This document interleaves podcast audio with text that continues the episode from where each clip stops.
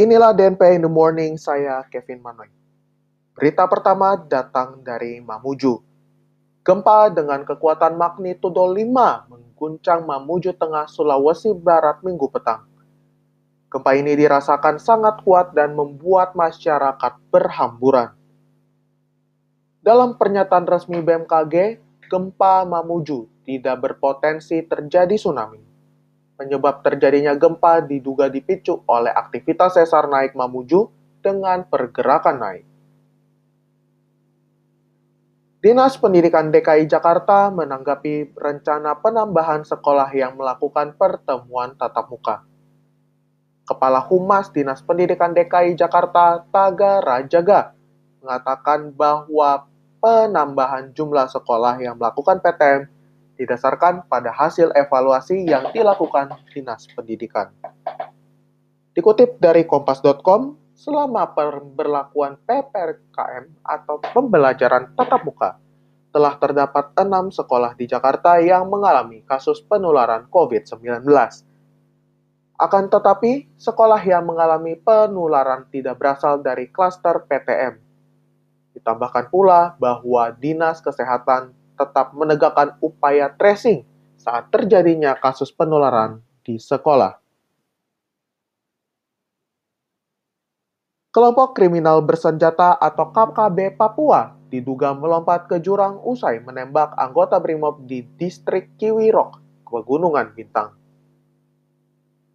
Dilaporkan CNN Indonesia, Satgas Nemangkawi melalui pernyataan tertulis mengatakan bahwa peluru mengenai alert arteri ketiak kanan Anumerta Baratu M. Kurniadi, anggota BRIMOB yang gugur dalam penembakan tersebut.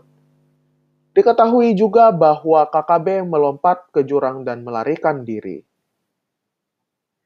Pada pernyataan yang sama, Satgas juga menyatakan bahwa Anumerta Kurniadi tewas usai membuka jalur penyergapan setelah tim gabungan TNI Polri mendengar suara tembakan dari depan Polsek Kiwiro.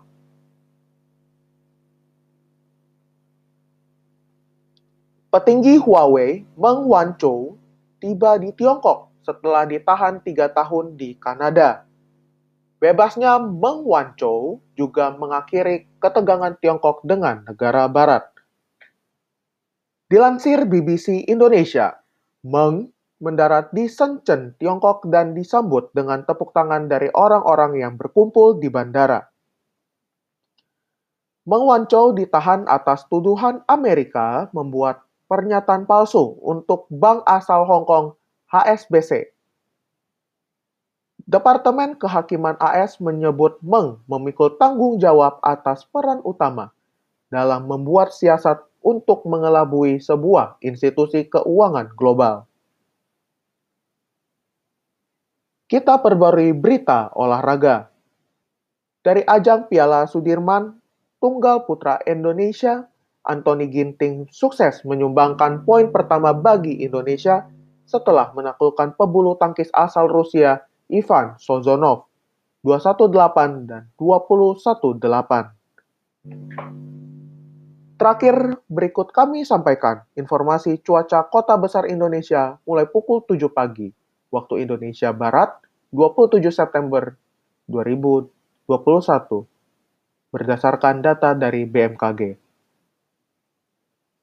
Jakarta berpotensi hujan ringan pada sore hari dan cerah berawan pada malam hari dengan suhu 24 hingga 33 derajat Celcius serta kelembapan 75 hingga 85 persen.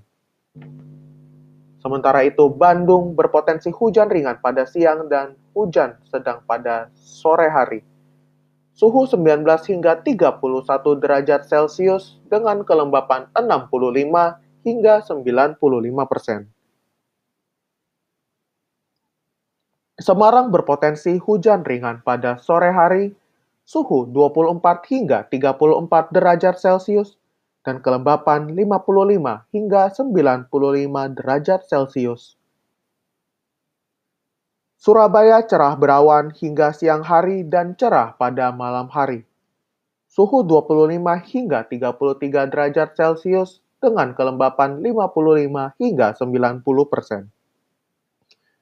Sekian DNP In The Morning edisi hari ini, 27 September 2021.